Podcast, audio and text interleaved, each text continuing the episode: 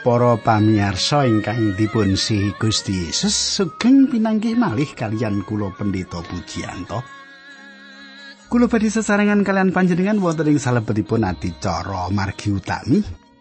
Adicara ingkang ngajak panjenengan sinau kayektosan-kayektosan saking pangandikanipun Gusti Allah. Saking kayektosan-kayektosan menika cobi kita terapaken wonten lampah gesang kita makaten. Kanthi makaten gesang kita dipun berkahi dening Gusti Allah. Nah, para pamirsa kula pendeta Pujiyanto tang sandungaken panjenengan supados panjenengan kasinungan tentrem rahayu. Salam kula dumateng Bapak Sentot, kados pundi Bapak Sentot, saya saya toh. Inggih, sugeng midhangetaken adicara menika.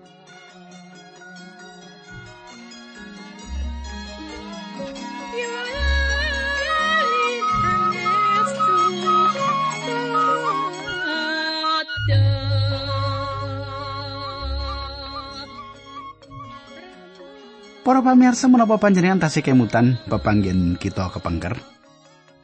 Ing pepanggihan kita kepengker kita sampun nyemak kados pundi mengsah-mengsah bangsa Israel ngrimuk Nehemia supados purun kepanggih lan ngawontenaken kompromi kalian piyambakipun. Nanging panjenengan pirsa pilih Nehemia nampik. Salajengipun kados pundi?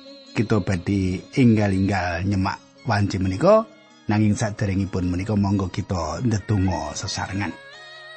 Duh Kanjeng Rama ingkang dampar wonten kraton ing kasuwargan, kawula ngaturaken gunging panuwun menawi wekdal menika kawula saged tetunggilan kalian sederek-sederek kawula lan kawula nyuwun berkah paduka Gusti.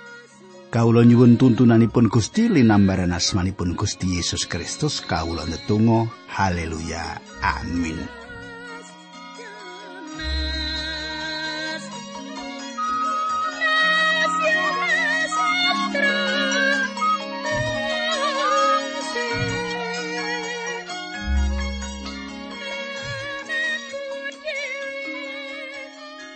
Para pamirsa samenika pasinon kita lumebet ing kitab Nehemia bab 7 nggih. Kalau wingi bab 6 sampun rampung samenika Nehemia bab 7. Ing pasal menika kita ningali tembok kita sampun rampung dipun bangun malih. Samenika penduduk wiwit njagi kita Yerusalem.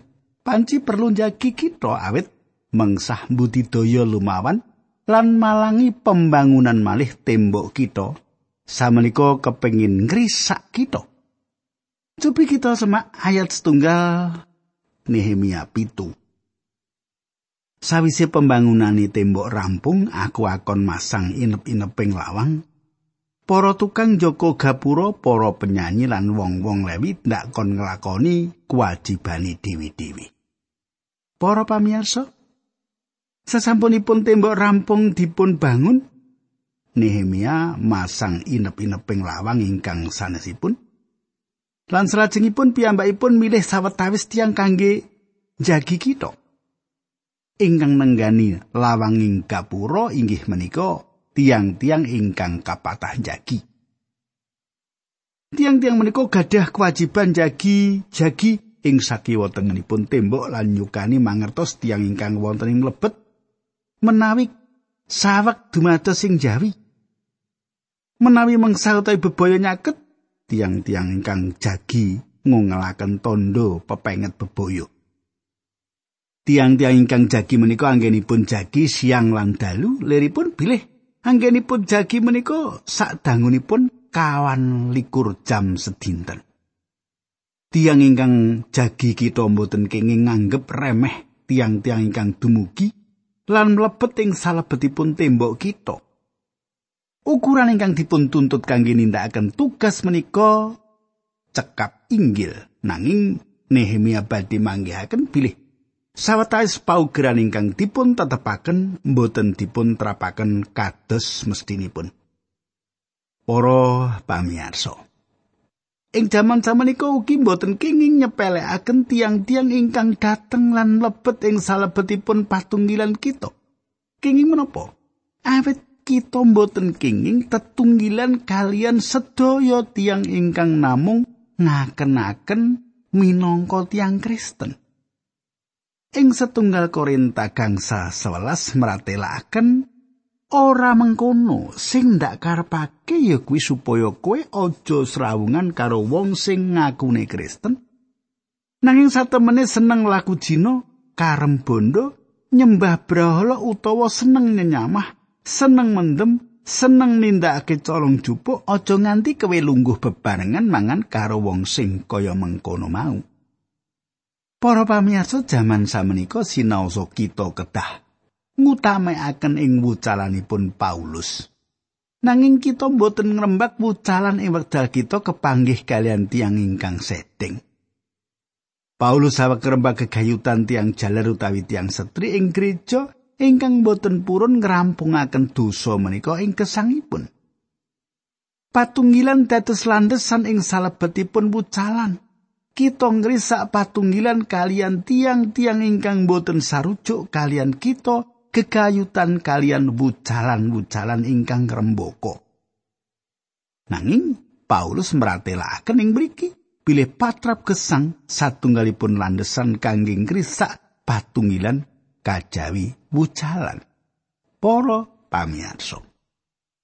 Wonten juru khotbah ingkang gadah perkawis kegayutan kalian dakwan ingkang wonten sesambetanipun kalian moral.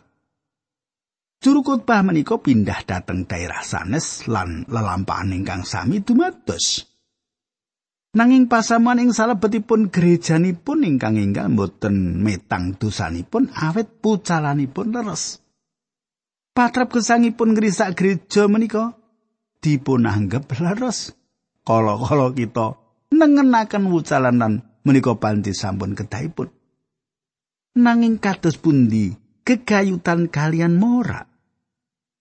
Emetal Paulus senat supados kita ampun tetunggilan kalian sedherek ingkang remen laku sedeng utawi sedherek ingkang rakus. Paulus mboten wonten kegayutanipun kalian wucalan. Kados pundi kalian tiang ingkang moto duwiten. Kados pundi kekayutan kalian tiang ingkang boten jujur? Menapa kita kedah tetap tetunggilan kalian tiang menika? Para pamirsa, netepaken patunggilan kalian tiang pitados kekayutan perkawis wucalan mboten ateges pilih kita ngadili. Dumateng Timotius Paulus sanjang cobi panjenengan semak kali Timotius kalih ayat 19. Nanging dasaring pakaryane Gusti Allah kuwi kukuh. Ora bisa goyah. Lan iki tembung sing katulis ana ing sanduwure dasar mau. Gusti perso wong-wong sing dadi kagungani lan sing sapa ngaku dadi kagungane Gusti kuwi kudu nyingkiri penggawe Allah. Panjenengan boten mangertos lan kula boten mangertos sinten ingkang leres-leres dadi putra-putraning Gusti Allah. nanging Gusti Allah mangertos sinten umat kagunganipun. Panjenengan lan kula boten dipun timbali nindakaken satunggalipun peperangan lumawan tiang-tiang awet Gusti Allah ingkang badhe paring paukuman dumateng tiang-tiang menika. Kita namung perlu mutusaken supados boten tetunggilan kalian tiang-tiang ingkang gadah patrap kados makaten menika. nanging kita mboten kenging ngadili tiang-tiang menika. Ingkang penting inggih menika, pilih kita minangka jejeripun tiang pitados kedah tetep jagi-jagi. Satunggal semboyan ingkang cocok kangge kita inggih menika jagi-jagi. Satunggalipun regi ingkang kedah dipun bayar kangge tetep bakoh ing salebetipun kamartikan. Kadang kula kajawi netepaken tiang jagi kangge ngayomi kita Yerusalem, Nehemia ugi milih tiang-tiang ingkang nyanyi. Semangat ngluhuraken Gusti inggih menika semangat ingkang kebak pangwaos. Menika ateges bilih kita kedah dados setunggal golongan ingkang asukarna.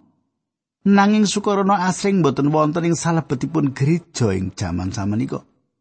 Gereja anggotanipun boten saking tiang-tiang ingkang rumaos bejo awit pangertosan kitab suci ingkang dados karemenanipun. Tiang-tiang ingkang damar rusuh ing gereja limrahipun inggih menika tiang-tiang ingkang boten remen nderek pemahaman kitab suci. Ing salebetipun Efesus gangsal ayat 18 19 Paulus nyetakaken tondo-tondo tiang Kristen ingkang kapenuhan roh suci ing wekdal piyambakipun sanjang. Aja padha seneng mendem minuman keras, kuwi mung bakal ngrusak uripmu, aluwung padha penuwa ing roh suci. Padha memuji nganggo Mazmur, rerepen lan kidung kasukman.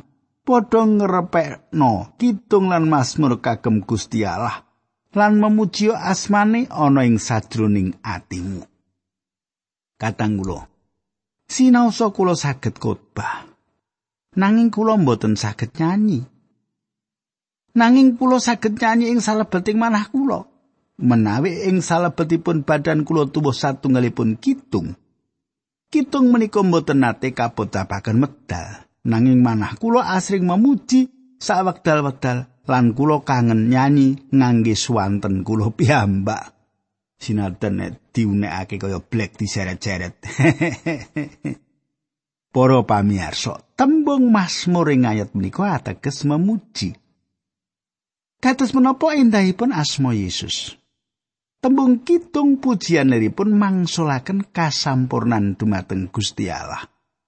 Suci, suci, suci. Satunggalipun Gusti ning jagat raya. Inggih menika ingkang dipun pujiaken. Kados menapa anggenipun gumunaken panjenenganipun menika? Pujian menika badhe andadosaken sukarna ing salebeting gesang panjenengan. Ing wedal panjenengan gesang ing salebetipun kersanipun lan panjenengan wonten ing punjering kersanipun Gusti lan panjenengan gadah patunggilan kalian panjenenganipun. Panjenengan badhe kagungan sukarna ing salebetipun gesang panjenengan. Kados menapa nggumunaken perkawis menika kadang kula. Para pamirsa ingkang kula tresnani, tiang-tiang ingkang jagi gapura lan tukang nyanyi dipun cawisaken kangge satunggal kita ageng nanging boten namung menika. Tiang Lewi ugi dipun pilih. Tiang-tiang Lewi menika inggih menika para imamipun. Menawi Gusti Allah sampun nimbali panjenengan supados panjenengan dados pendeta. Panjenengan badhe maringi kamardikan kangge panjenengan inggih menika panjenenganipun badhe maringi panjenengan papan peladusan. Kita lajengaken bab itu ayat kalih. Peperintahane kutha Yerusalem banjur ndak pasrahake marang sedulurku Hanani karo Hananya. Panglimane beteng mergo Hananya kuwi wong sing mursite ngungkui wong-wong liyane lan kena dipercaya. Katang kula, Hanani sanes sederek kandung Nehemia. Panjenengan tasih kemutan ing wiwitan kitab Nehemia ing wekdal piyambakipun tasih nglados ing kraton raja Artasasta. Salah satunggal sederekipun saking Yerusalem dateng lan nyariosaken kahanan tiang Yahudi sisa ingkang sampun wangsul dateng Yerusalem. Tiang menika sesami bangsa Israel lan sanes sederekipun Nehemia. Hanani cetha salah satunggal pemimpin ing Yerusalem lan piyambakipun kemawon ingkang nyukani mangertos Nehemia gegayutan kahanan ing Yerusalem kados ingkang kita waos salebetipun kitab Nehemia pasal setunggal. Dados Nehemia sampun tepang tiang menika. Inggih menika sebabipun Nehemia sanjang peperintahane kutha Yerusalem banjur ndak pasrahake marang sedulurku Hanani karo Hananya panglimane beteng Menapa Hanani nampi kalenggan menika awit piyambakipun menika tiyang ingkang gadah pendidikan lan sampun nderek kuliah wonten ing seminari? Menapa wonten ing mriku panjenengan sinau maos kitab suci? Hanani inggih menika tiyang ingkang dipun sukani kewajiban jangkung Yerusalem. Awit menapa? Awit piyambakipun menika tiyang ingkang saged dipun pitados lan ajrih asih dumateng Gusti Allah langkung saking tiang-tiang sanes. Hanani tiang ingkang saged dipun pitados sanes awit saking pendidikan. Kadang kula ingkang kula tresnani. Kita mbetahaken pendeta ingkang gadah pendidikan. Pendidikan menika penting. Kathah pendeta ingkang boten gadah budi pekerti nanging gadah pendidikan.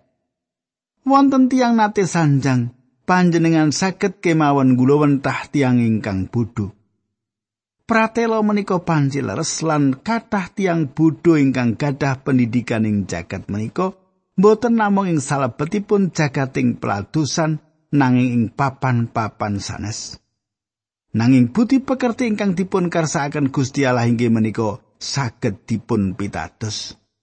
Wonten ing setunggal Korintus sekawan ayat kalih Paulus ngendika, "Tumrap para abdi kang kaya mengkono iku mung siji sarate ya iku temen." Para pamirsa, menapa pendeta panjenengan ngandel kalian panjenengan? Menapa saged sesami tiang Kristen ngandel dumateng panjenengan?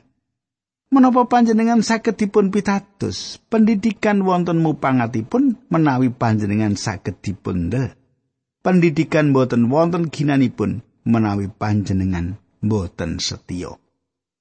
Kita lajengaken ayat 3. Kandaku marang wong loro mau, lawang-lawange gapura kutha Yerusalem mung kena dibuka yen wis awan lan kudu ditutup sarta dipasang slorokani sadurunge para wong jaga padha mulih ing wayah sore. Kejaba kuwi ing antarane penduduk Yerusalem kudu ana sing rondo. Saperangan jaga ning pos-pos penjagaan lan saperangan patroli ing daerahe kampungi dewi-dewi. Kadang kula saben lawang mlebet ing kita kedah dipun jagi siang dalu. Ing wedal dalu saged kemawon dumados menapa kemawon sedaya kedah tansah jagi-jagi. Paling boten saben tiang kedah jagi griyanipun piyambak. Dados Gusti Allah paring dawuh kita supados kita tanggal jawab paling boten dumateng keluarga kita piyambak.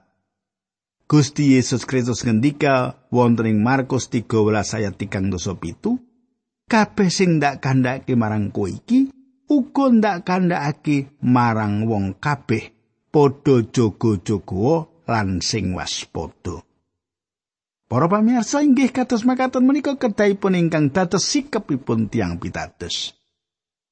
Kula lajengaken Nehemia pitu ayat sekawan. Yerusalem kuwi kuthane gedhe nanging penduduke mung sethithik, omah sing ditekake ya durung akeh. Kadang kula mboten sedaya bangunan ing salebetipun kita sampun rampung dipun bangun ing wekdal semanten.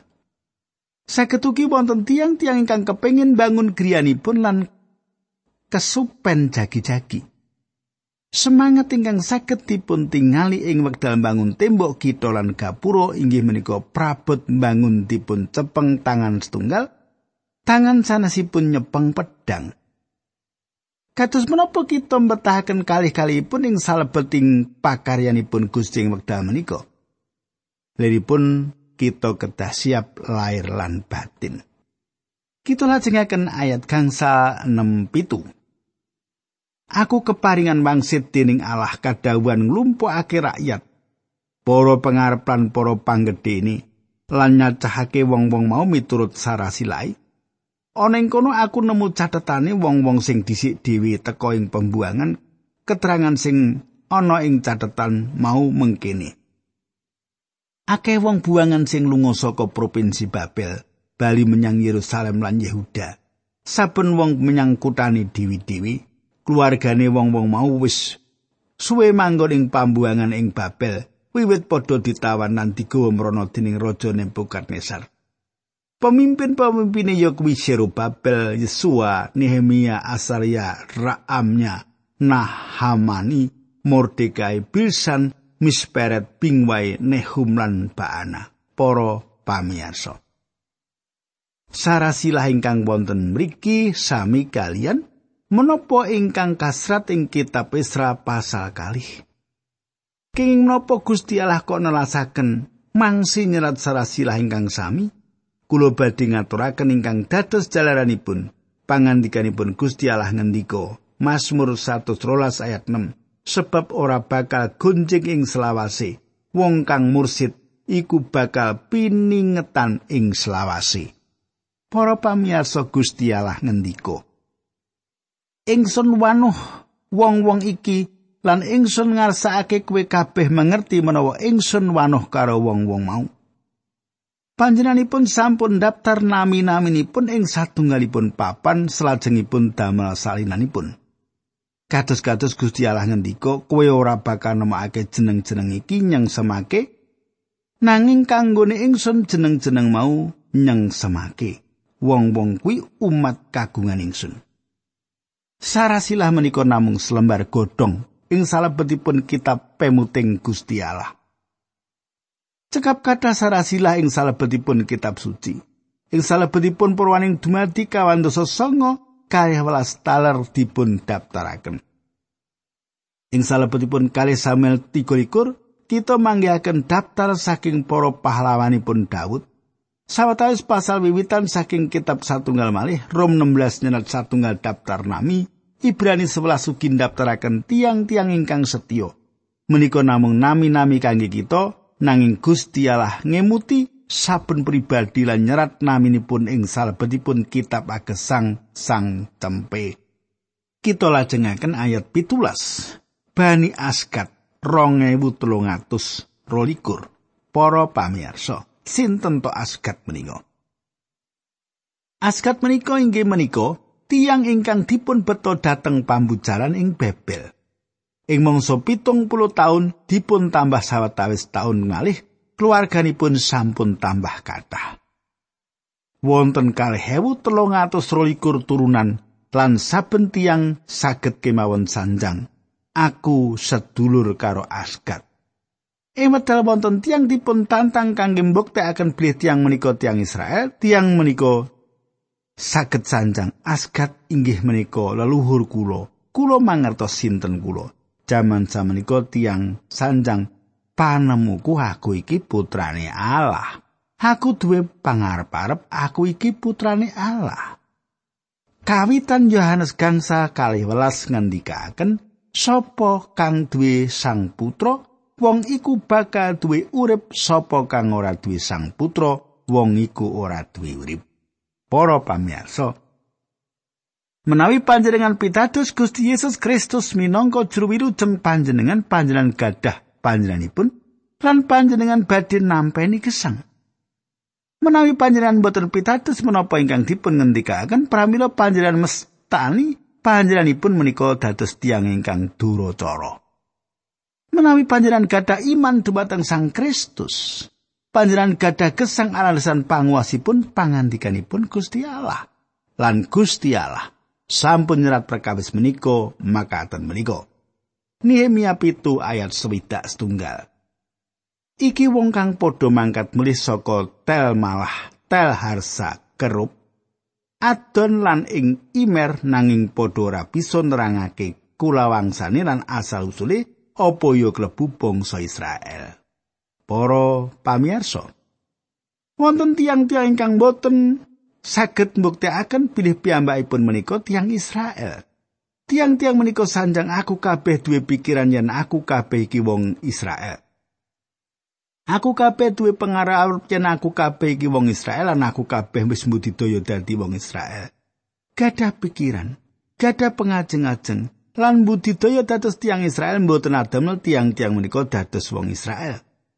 Menapa ingkang dipun tindakaken menika mboten mitulungi tiang-tiang menika? Tiang-tiang menika kedah mangertos sinten to badanipun piyambak tiang menika. Ing medal tiang-tiang menika mboten saged nedahaken sarasilaipun tiang-tiang menika dipun sisihaken. Ayat swidak papat lan swidak limo. Iku padha niti preksa. Apa jenenge padha kasebut ana ing sarasilah nanging ora tinemu, mulane banjur kaanggep ora suci lan ora kena dadi imam. lan tumrap wong-wong iku ditetepake dening kepala daerah menawa ora kena mangan sesengkerane kang pinunjul nganti ana imam kang tumindak kanthi ngasta urim lan tumim. Para pamiyasa tiang-tiang menika mboten saged mbuktekaken sarasilahipun. Panjenengan sanes namung betahaken dipun wilujengaken. Panjenengan ugi perlu mangertos kawilujengan menika. Cara mangertosi para imam menika ing jaman semanten inggih menika para imam ngangge urim lan tumin ingkang wonten ing dadanipun. Inggih menika cara imam agung nemtokaken pundi ingkang dados kersanipun Gusti Allah. Inggih menika satunggalipun panjangkungipun Gusti Allah ing jaman semanten nanging samenika kita netepaken kersanipun Allah lumantar pangandikanipun Allah. Lan prakawis menika maratelaken dumateng kita kados pundi kita saged gadah gesang ingkang langgeng. Pitu pitung puluh telu. Ana dene para imam para wong Bani Lewi sarta para jaga gapura apa dene pesinden tuwin uga saperangane rakyat para abdi ing pedalemane Gusti Allah tuwin para wong Israel liyane kabeh padha manggon ana ing kutane dewi-dewi. Para pamirsa, menika satunggal ayat pungkasan saking pasal menika putra-putra Israel wangsul wonten ing tanah menika samenika. Kabawah kepemimpinan Israel satunggalipun pakaian ageng sampun dipun tindakaken nanging sedaya menika dereng rampung wonten kathah perkawis ingkang kedah dipun tindakaken. Kadang kula monggo kita tumungkul kita ndedonga. Duh Kanjeng Rama sampun paripurna anggen kawula ngaturaken keterangan bab pangandikan paduka urutan ngantos dumugi Nehemia pitu ayat pitung dosa tiga. Kawula nyuwun Gusti berkahi lan Gusti mitulungi sedherek kawula menika menawi ing dinten menika kamomotan bot repoting kesang kandi awrat. Dinambaran asmanipun Gusti Yesus Kristus kawula ndedonga haleluya amin.